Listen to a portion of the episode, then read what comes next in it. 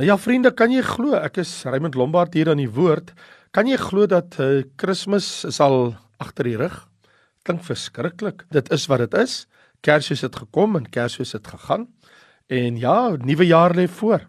Dis Sondag aand en ek kuier saam met jou hier in die boek Hebreërs. En kom ons praat 'n bietjie oor Moses. In Hebreërs hoofstuk 11 lees ek hier van vers 23. Deur die geloof is Moses na sy geboorte deur sy ouers 3 maande lank weggesteek omdat hulle gesien het dat die seentjie mooi was en hulle het die gebod van die koning nie gevrees nie. Deur die geloof het Moses toe hy groot geword het geweier om die seun van Farao se dogter genoem te word omdat hy verkies het om liewer sleg behandel te word saam met die volk van God as om 'n tyd lank die genot van die sonde te hê en die smaad van Christus groter rykdom geag het as die skatte van Egipte, want hy het uitgesien na die beloning. Deur die geloof het hy Egipte verlaat sonder om die toorn van die koning te vrees, want hy het volgehou soos een wat die onsigbare sien. Deur die geloof het hy die Pasga gehou en die besprenkeling van die bloed sodat die verderwer hulle eersgeborenes nie sou aanraak nie. Deur die geloof het hulle deur die Rooi See deurgegaan soos oor droë grond terwyl die Egiptenaars toe hulle dit probeer verdrink het. Daar is soveel van Moses in die Bybel. Daar word so baie gesê oor hierdie man. Dit laat my nou maar eenmal dink aan die vyf blinde manne en die olifant. Het jy al ooit gehoor van die vyf blinde manne en die olifant? Elke man het aan 'n verskillende deel van die olifant geraak en gesê waaraan hulle raak.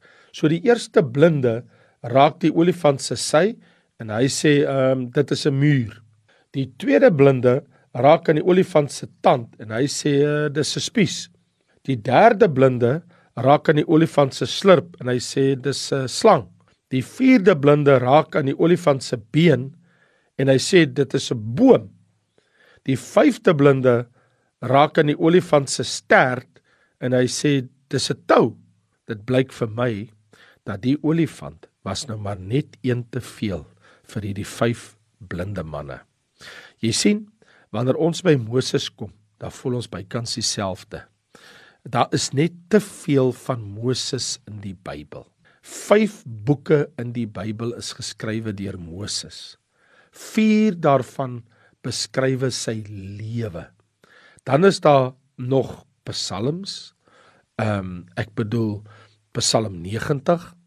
Kyk ons in die Ou Testamentiese Hebreëse Bybel verskyn die naam van Moses 762 keer. In die Griekse Nuwe Testament verskyn sy naam 80 keer. Besef jy dat dis 'n totaal van 842 keer verwys die Bybel na die man Moses. Dit is 'n klomp om op jou hande te lê. Waar begin 'n mens? Moses was 'n begaafde leier. Hy was 'n wyse wetgewer. Hy was 'n vader met sy eie seuns. Hy was 'n broer van Aaron en Miriam. Hy was 'n onderwyser, hy was 'n raadgewer, is 'n man van gebed, 'n man van geloof, 'n man van God. En ja, God noem Moses in Numeri 12 vers 7 en 8 my knegg Moses. Dis so eenvoudig soos dit is. Hierdie man van wie ons 842 keer in die Bybel lees wanneer God oor sy oor sy man Moses praat, sê hy my knegg Moses. Jy sien, vir Christene vandag lewe Moses in die woord van God. In sy woorde toon aan ons Jesus Christus. Ek bedoel tereg het ons mos gesien in Johannes hoofstuk 5, daar in vers 46 en 47 waar Jesus van Moses se werke praat, sê Jesus: "Maar as julle Moses geglo het, sou julle my glo, want hy het van my geskrywe. En as julle sy geskrifte nie glo nie, hoe sal julle my woorde glo?" So ons as kinders van die Here en as gelowiges in Christus, ons glo natuurlik wat Moses geskryf het. Vir die Jode was Moses die grootste van alle mense. Hy was Israel se grootste profeet. Dis tog duidelik uit hoofde van Numeri hoofstuk 12 staan dit tog nou baie duidelik daar opgeteken in vers 6 tot en met vers 8. Toe sê die Here: "Hoor tog my woorde. As jy 'n profeet van die Here is, sal ek deur 'n gesig my hom bekend maak, deur 'n droom sal ek met hom spreek. So is dit nie met my knegg Moses nie. In my hele huis is hy getrou. Mond tot mond spreek ek met hom en deur aanskouing en nie deur duister woorde nie. Waarom het julle nie gevrees om teen my knegg Moses te spreek nie? Wow. Hy was God se profeet, God se man. Hy was Israel se grootste wetgewer. Alles in hulle wet verwys na die man Moses. Hy was Israel se grootste historikus. Alles van Genesis tot Deuteronomium is deur Moses neergepen. Hy was Israel se grootste verlosser. Dit sien ons in die boek Eksodus toe hy hierdie hele volk uit die land Goshen uit Egipte land uitgelei het onderweg na die beloofde land. Moses se geloof word die deur die Hebreërs skrywer verduidelik onder 5 kort seksies. Elkeen van die 5 begin met deur die geloof. Let mooi op. Hierso in Hebreërs hoofstuk 11 het ek en jy nou gesien. Wanneer hy van Moses spreek, dan sê die Hebreërs skrywer in vers 23: "Deur die geloof het Moses." Vers 24: "Deur die geloof het Moses." Vers 27: "Deur die geloof het hy." Vers 28: "Deur die geloof het hy." Vers 29: "Deur die geloof." 5 keer word verwys dat Moses het gedoen wat hy gedoen het deur geloof. So kom ons kyk na die eerste een. Deur geloof sien ons Moses se bewaring. Hierdie kom deur sy ouers, want vers 23 sê deur die geloof is Moses na sy geboorte deur sy ouers 3 maande lank weggesteek omdat hulle gesien het dat die seentjie mooi was en het nie die gebod van die koning gevrees nie. So beide Moses se ouers is uit die stam van Levi. Moses se broer was Aaron en hy het hoofpriester geword onder Moses se gesag wat die Here vir hom gegee het. Moses se suster was Miriam, ook bekend as 'n profetes. Die klem val in die teks op Moses se ouers se geloof in God. Toe dit onmoontlik was om die seentjie langer weg te steek, het sy moeder 'n briljante plan. Sy laat hom drywe in 'n mandjie tot binne in Farao se paleis. Ons almal ken die storie van Eksodus hoofstuk 2. En dit is hoe Moses groot geword het. As ons gaan dink, in plaas van in 'n slawe hut met sy ouers, sien ons tog dat hy ook daar in die atmosfeer van geloof grootgemaak is, want die prinses in Farao se paleis het hom teruggegee en gesê dat hulle moet sy ouers moet hom vir hom grootmaak. So hy het aan moeders nie by sy moeder en sy vader het hy van God geleer en van Israel geleer en die volk van die Here geleer.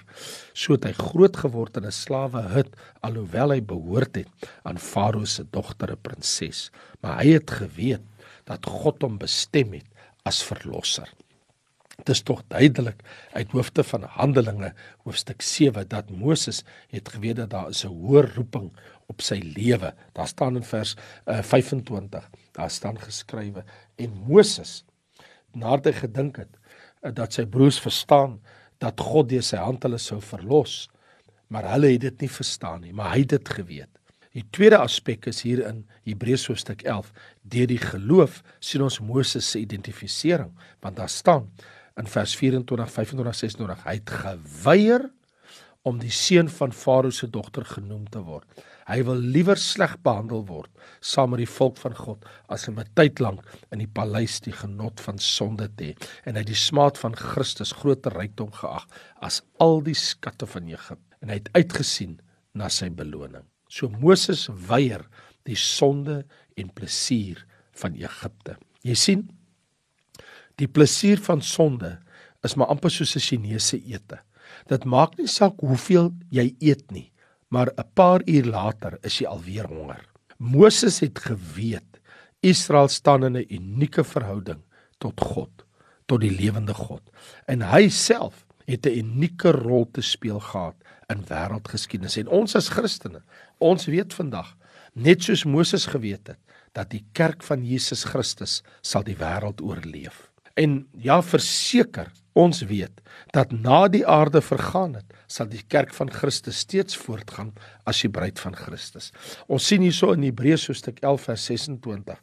Hy het die smaad van Christus groter rykdom geag as die skatte van Egipte, want hy het uitgesien na die beloning. So toe Moses verkies om eerder met God se volk geïdentifiseer te word, het hy hom by God se uitverkorenes geskaar. En Moses se identifisering met die messiaanse volk was inderwaarheid 'n identifisering met die Christus. Hy het uitgekyk na die beloning. En ons sou ook dan nou sien, hy het deur die geloof wat hy vasgehou en volgehou om God te dien. 'n Ander aspek sien ons hier in Hebreërs hoofstuk 11 van Moses, is sy afsondering. Vers 27 sê: "Deur die geloof het hy Egipte verlaat sonder om die toorn van die koning te vrees, want hy het volgehou soos een wat die onsigbare sien." Die Hebreërs skrywer sê Moses se 40 jaar weg uit Egipte land in die land Midian was die gevolg van Moses se geloof. Moses het volgehou deur die geloof soos een wat die onsigbare sien. En dit het God so aangegryp dat hy vir Moses aangesig tot aangesig gesien het in Eksodus 33 vers 9 tot 11. En sien ons ook dat God ons Vader vandag in sy seun Jesus Christus hom ook aan ons openbaar. As ons kyk na Moses se lewe, dan sien ons in vers 28 van Hebreërs 11, deur die geloof het hy die Pasga gehou en die besprenkeling van die bloed wat sodat die verderwer hulle eersgeborenes nie sou aanraak nie. So deur die instelling van die Pasga, die slag van 'n lam vir elke huisgesin en die bloed wat aan die deurposte gesmeer was, is die oordeel van die dood, die verderwer, die engel van die dood afgeweer. Toe hulle dit die eerste keer in Egipte land in die land Goshen gedoen het, het Moses geensins getwyfel in God se verlossing nie. Moses het niks anders gehad as God se woord. En vir hom was dit genoeg.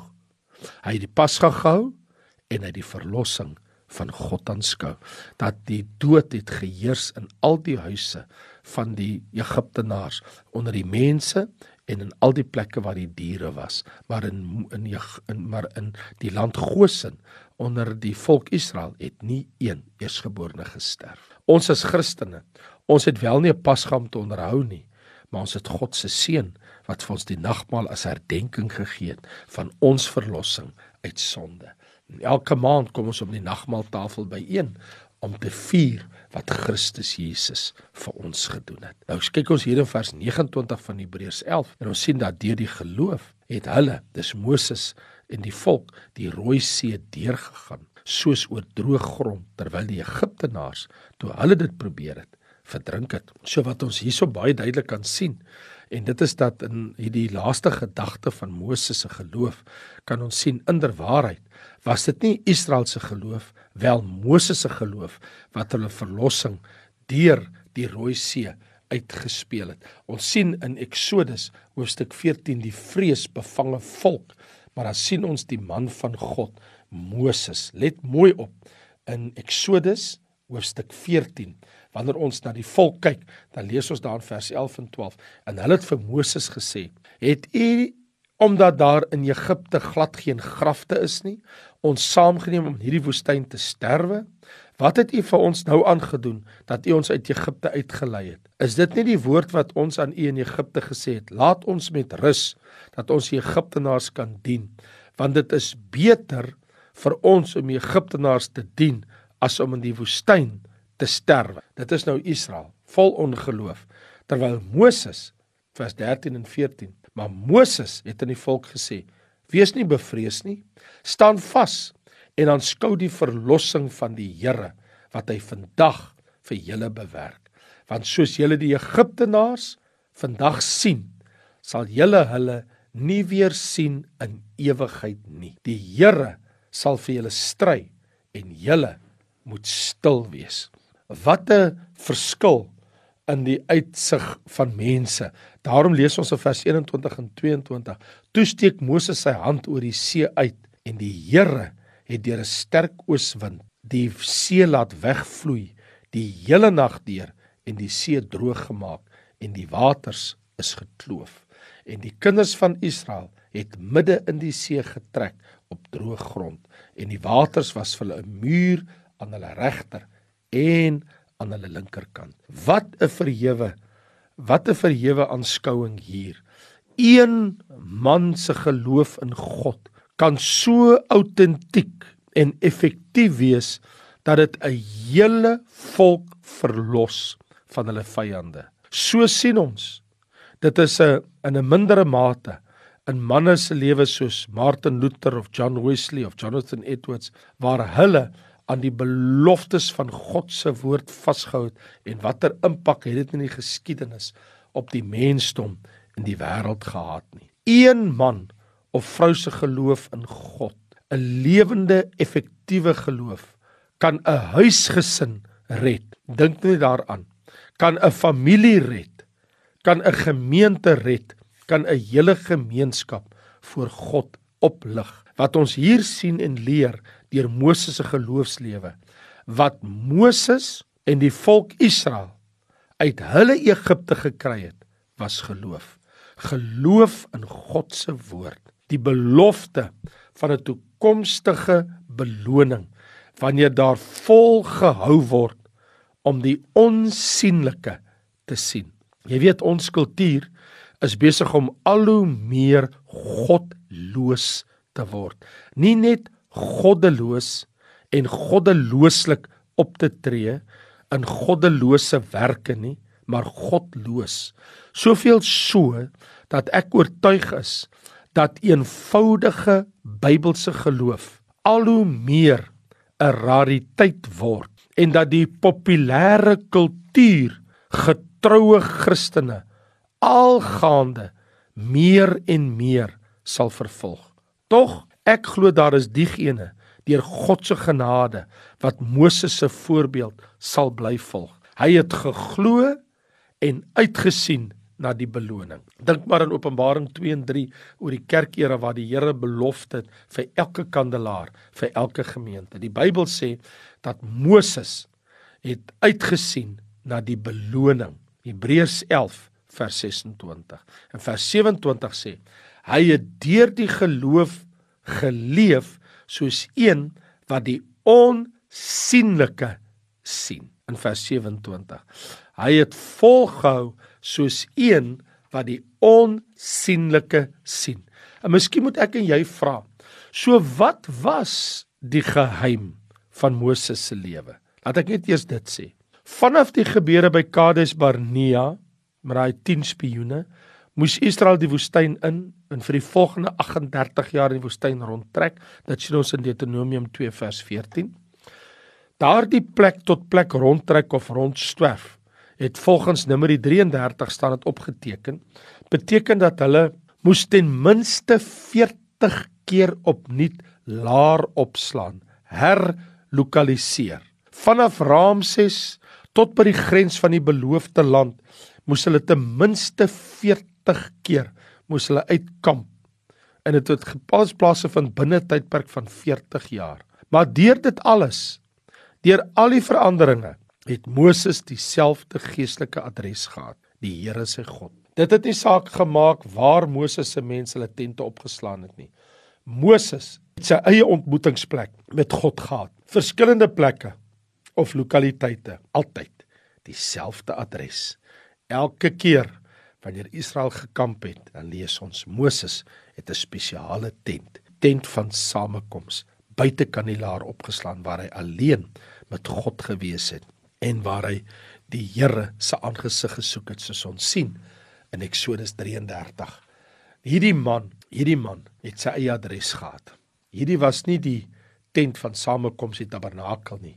Dit was in die middel van die kamp, maar die geheim van Moses se lewe, hy het 'n plekkie alleen gehad waar hy met God kon praat, na God se stem kon luister die Here kon loof, die Here kon prys en sy sorges en sy bekommernisse met die Here kon deel. So ek wil vir jou vra, waar is jou tent van samekoms? Selfs Jesus het dit ook gedoen, sien ons in Matteus hoofstuk 14 waar hy onttrek het en eenkant alleen gewees het. Die verskil tussen Moses en die volk was die mense het gesien wat God gedoen het. Maar Moses het die geestelike insig gehad om te weet hoekom God dit gedoen het. My vriende, luister na my. Om die Hebreërs uit Egipte land te lei, was nie Moses se grootste uitdaging. Dit het gebeur in een nag. Die grootste uitdaging wat Moses in die gesig gestaar het, was om Egipte uit die Hebreërs uit te kry. Mag die Here vir my en jou help dat ons die duiwelse werke, die sonde van hierdie wêreld en die aantrekkingskrag van die wêreld uit ons kan uitkry sodat ek en jy rein en heilig en skoon voor die Here kan wandel kan uitsien na 'n beloning soos 'n Moses van ouds dat ek en jy kan volhou soos een wat die onsigbare sien. Vader ons dank U dat ons uit Moses se lewe kan sien die lewe van 'n man wat volhard het tot die einde toe dat God het hom begrawe. Dat ons kan sien 'n man wat uitgesien het na 'n beloning wat vir hom wag 'n man wat sy oë op die onsigbare gefestig gehou het Here ons wil ons oë op U vestig. U woord sê in Hebreërs die volgende hoofstuk hoofstuk 12, die oë gefestig op Jesus, die leidsman en die volëinder. Here ons wil ons oë op U gefestig hou vir die, die nuwe jaar. Binne 'n paar dae gaan ons in 'n nuwe jaar in. Here dit mag die jaar van beloning wees. Dit kan die jaar wees wat ons die onsigbare gaan sien. Wat 'n heerlike verwagting wat ons het soos 'n Moses van ouds.